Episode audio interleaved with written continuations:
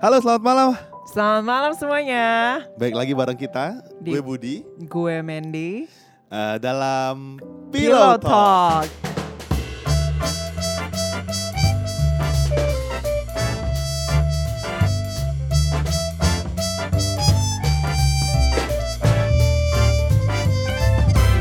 Jadi Pillow Talk tuh adalah pembicaraan kita sebagai sepasang suami istri eh, malam-malam abis melakukan aktivitas yang Seharian. seharian atau yang setelah seharian. Terus kita biasa melakukan Pillow Talk seperti ini. Iya, jadi sebenarnya tujuan kita bikin podcast seperti ini adalah supaya kita ngajarin ke orang-orang dan ngeliatin bahwa perbedaan itu normal loh dan bahkan buat sepasang suami istri yang ketika kita pertama kali nikah kita pikir bakal cocok gitu ya bakal seneng happy happy ternyata perbedaan itu tetap ada dan akan terus ada Dan eh, perlu teman-teman ketahui kita tuh beda banget. Dan hari ini kita mau ngomongin perbedaan khusus tentang boleh nggak sih cewek nembak cowok duluan boleh boleh. Nah, oke. Boleh, Nah, kayaknya suami saya ini eh, udah nggak sabar lagi nih untuk cerita. So, so what are you thinking? Gimana menurut kamu? Em, sebenarnya kalau kita tanya itu ya, orang tuh punya jawaban beragam tapi Of course. kalau buat aku kenapa boleh dan harus bahkan Hmm. karena perlu teman-teman tahu, aku tuh SMA ditembak sama cewek. Wow. Gini teman-teman. Show off. No no no no, no gitu teman. Ada cowok tuh yang nggak berani I see. dan aku salah satunya. Jadi kalau aku suka gitu ya, aku bakal diemin tuh cewek. I mean like literally. Jadi waktu SMA aku suka sama cewek. eh, kita tuh beda kelas. Aku dulu IPA, dia IPS. Terus tiap kali istirahat aku suka ke kelasnya. Hmm. Makan bareng gitu, ngobrol bercanda-bercanda aja. Terus setelah aku suka, aku jadi nggak pernah lagi ke kelasnya. Soalnya aku malu gitu sampai dia tanya, "Bud, kok lu nggak pernah main ke kelas gue lagi sih?" Terus gue jadi bingung kan. Nah, sampai suatu saat mungkin dia gemes kali dia nembak gue waktu itu. Uh-huh. Dan kita nggak pacaran sih, karena nggak boleh banyak gue juga ceritanya gitu. Oh. Nah, jadi gue ceritain lagi nih buat teman-teman ya.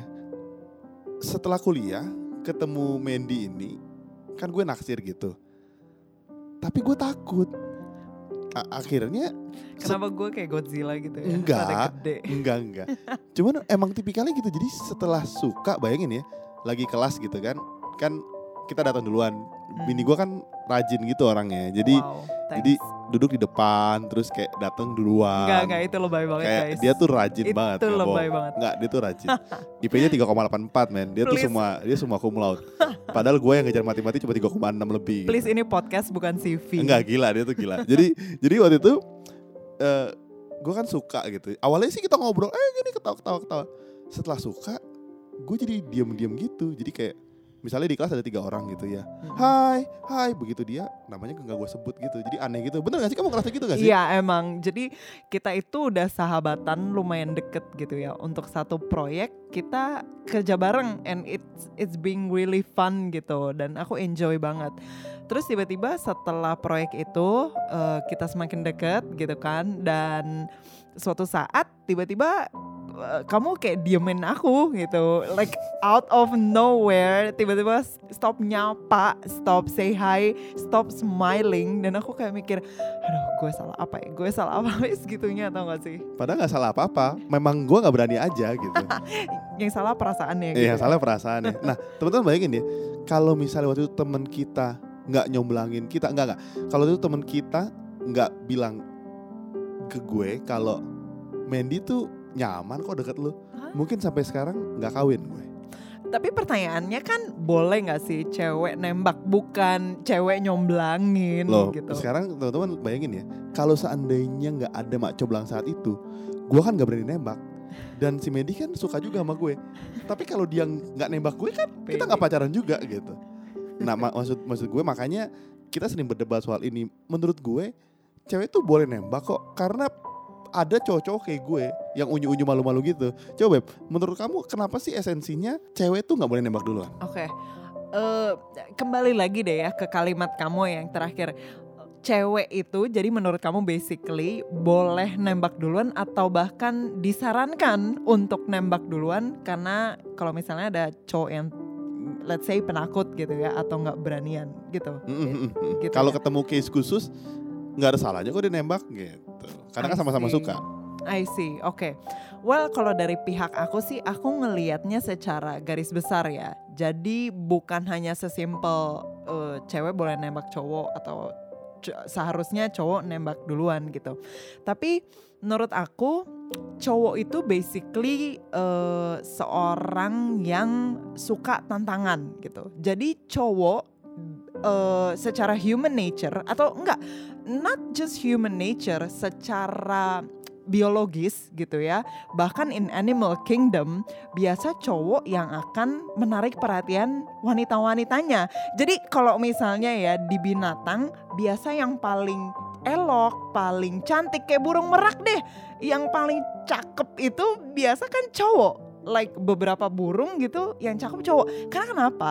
Karena basically cowok yang harus gayat perhatian ceweknya. Tapi gitu. kadang-kadang nggak semua burung cowok lebih cakep sih. Ada burung-burung lainnya yang mungkin nggak terlalu cakep tapi Oh gitu ya. tahan lama aja.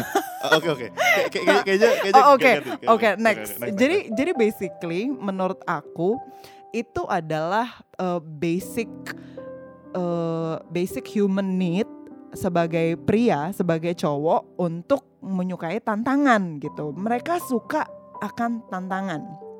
So, ketika misalnya cewek nembak duluan, itu akhirnya menghilangkan sense tantangan itu, menghilangkan rasa challenging dan menghilangkan eh, apa ya their own human nature sehingga kalau misalnya cewek nembak duluan itu bakal men- me- memberikan kesan bahwa oh cewek itu gampang gitu jadi kayak buat aku kalau misalnya cewek nembak duluan itu akan ngefek terhadap mereka punya relationship, mereka punya hubungan. Karena gimana pun juga cowok itu suka tantangan. Dan seharusnya kalau misalnya lu bener-bener suka, lu bener-bener serius, ya lu sabar aja gitu. Lu tunggu aja kalau emang cowok itu serius sama kamu gengs ya buat wanita di luar sana kalau cowok itu benar-benar serius dia akan memperlihatkan dia punya bulu-bulu yang indah ya kan Wow, Wow. bulu-bulu.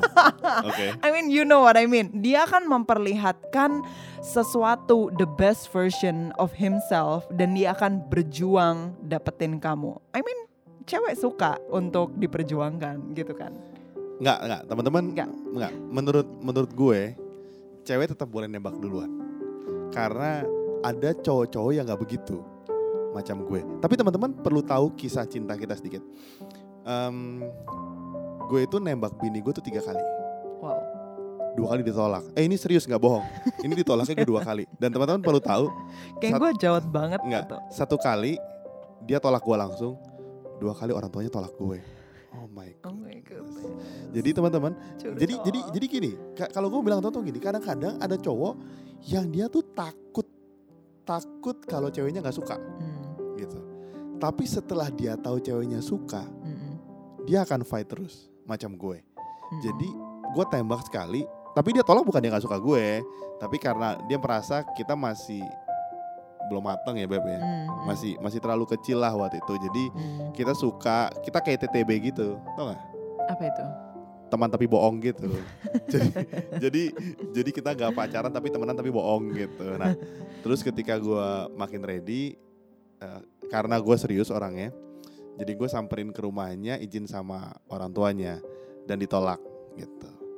Dan terakhir sih kita akhirnya dapat restu dan menikah dan sekarang menikmati hidup pernikahan ini sebetulnya. Oh. Tapi tapi teman-teman em, eh, sampai hari ini kita berbeda. Jadi kalau kalau ada orang tanya, eh, eh boleh nggak sih, eh, Mas gue nembak duluan nih, boleh? Atau kan nembak duluan nih? Buat gue sih boleh-boleh aja ya. Soalnya kalau cowoknya macam gue gitu gimana? Yang gue tahu gue suka, tapi gue malu. Dan akhirnya gue nggak berani nembak. Gitu. Akhirnya kalau seandainya waktu itu nggak nyemblangin kita, akhirnya kita nggak jadi. Gitu sih teman-teman paling. Oke, kalau dari aku ada sisi lainnya sih kenapa cewek sebaiknya ya, bukan nggak boleh. Kayak it's not like something tabu atau kayak haram gitu kan. Tapi menurut aku ketika seorang wanita itu bisa menahan diri untuk tidak maju duluan, itu rewardnya bakal lebih besar lagi. Kenapa? Nah, dalam ya. Oke. Dalam ya. Jadi kayak gini, gini, gini gengs. Kalau misalnya nih kamu itu mau mendapat sesuatu. Terus ketika kamu eh, tahu barangnya itu gampang banget buat kamu dapetin. Let's say eh, gadget misalnya, murah gitu. Karena nyokap kamu beliin, tiba-tiba udah ada aja gitu.